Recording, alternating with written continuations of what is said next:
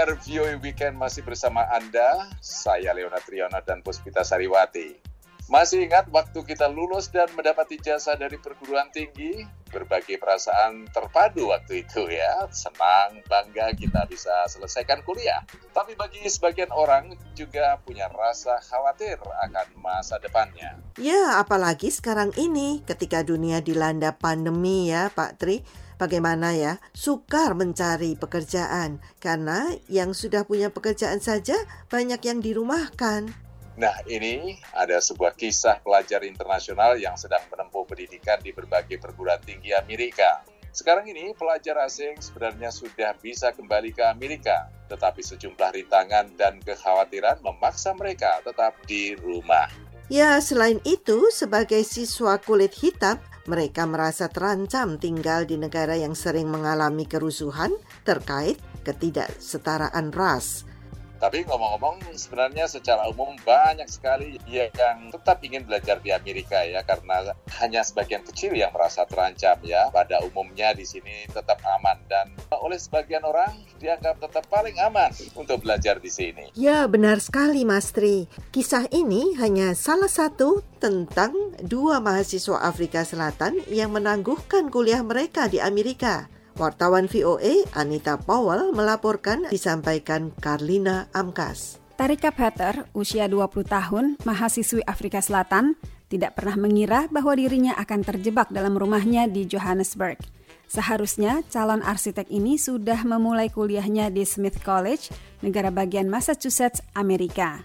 Tetapi beberapa bulan sejak ia diterima untuk kuliah di kampus tersebut, virus corona melumpuhkan perjalanan global.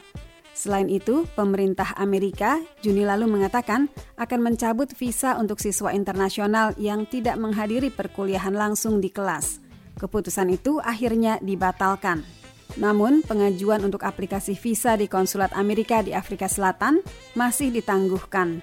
Melalui aplikasi Google Hangouts, Tarika Peter mengatakan, I am waiting to see if there's the possibility uh, of getting a visa. Because if I can get a visa for fall, they basically Smith is allowing some students to live on campus in very like strict conditions. Um, but if I don't get a visa for fall, like if Jadi pada dasarnya saya sedang menunggu apakah ada kemungkinan mendapat visa. Karena jika saya bisa memperoleh visa untuk musim gugur ini, Smith College akan mengizinkan beberapa siswa tinggal di perumahan kampus dengan syarat yang sangat ketat. Tetapi kalau tidak mendapat visa untuk kuliah mulai musim gugur dan semua proses administrasi mandek, saya berharap bisa masuk kuliah pada musim semi 2021 yang biasanya dimulai pada Februari. Kaya Kingston juga kini ada di rumahnya di Afrika Selatan. Seharusnya dia sudah memulai kuliahnya lagi di Harvey Mudd College, California. Kingston, mahasiswa tahun kedua, terpaksa pulang setelah perguruan tinggi tempatnya menuntut ilmu memulangkan semua mahasiswa setelah libur musim semi. Bandara Johannesburg sebenarnya masih beroperasi, tetapi sulit untuk mendapatkan penerbangan internasional. Dan sebagai pemuda kulit hitam, Kingston dan orang tuanya juga khawatir akan gelombang protes yang terjadi di Amerika menentang kebrutalan polisi terhadap orang kulit berwarna. Melalui aplikasi Google Hangouts, Kingston menjelaskan, Trust that I'll be responsible, or be as responsible as I can in this situation, um, and do what I can to prevent anything like that. They're more worried about me getting sick, and I have, I think, one family member in America So if I do get sick and I can't come back, or someone gets sick here and I can't come back, they don't like the idea of me being on the other side of the world. Orang tua saya percaya saya akan bertanggung jawab dalam situasi seperti ini dan akan berbuat sebisa saya untuk menghindari hal seperti itu terjadi. Mereka lebih khawatir jika saya jatuh sakit. Sepertinya saya punya kerabat di Amerika. Jadi kalau saya sakit dan tidak bisa pulang atau seseorang sakit dan saya tidak bisa pulang, mereka tidak senang kalau saya berada di negara lain. Tetapi sepertinya kini mereka tidak khawatir lagi kalau saya pergi. Berbagai protes terkait Black Lives Matter di Amerika juga mengkhawatirkan Peter. As a brown person who looks Indian, like I don't I don't feel comfortable at all, especially because even sebagai orang kulit coklat seperti orang India, saya merasa tidak nyaman sama sekali bahkan di negara bagian sebelah utara. Di Philadelphia misalnya, ketika terjadi protes Black Lives Matter, saya tahu, saya membaca dan teman saya memberitahu bahwa ada pengunjuk rasa neo-Nazi yang berbaur dengan massa. Mereka ini menyulut kerusuhan, memukuli orang, dan berbuat onar. Jadi saya merasa lebih takut dan sangat tidak nyaman pergi ke Amerika sekarang. Berbeda dari apa yang saya rasakan beberapa waktu lalu. Meskipun sebenarnya kaum muda tidak terlalu khawatir, ancaman virus corona justru membebani pikiran orang tua mereka.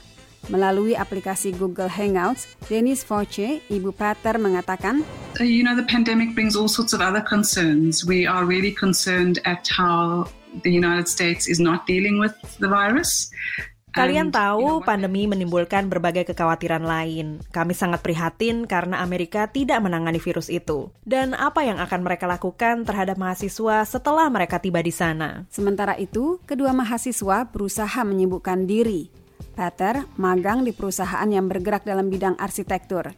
Kingston yang kuliah dalam bidang fisika dan ilmu komputer menjadi sukarelawan dalam tim ilmu data yang melacak perkembangan virus di Afrika Selatan.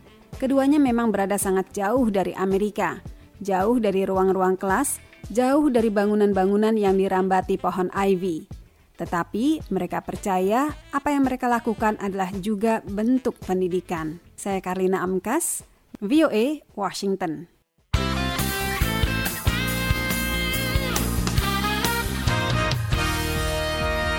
Dengar itulah tadi sajian kami dalam acara VOA Weekend. Jangan lupa simak terus siaran VOA Weekend dari kami tiap Sabtu dan Minggu petang. Pendengar, topik menarik kami mengenai kehidupan beragama, kehidupan kampus dan pemberdayaan perempuan bisa Anda dengar di sini. Saya, Puspita Sariwati dan Leonard Triono pamit dulu. Sampai jumpa.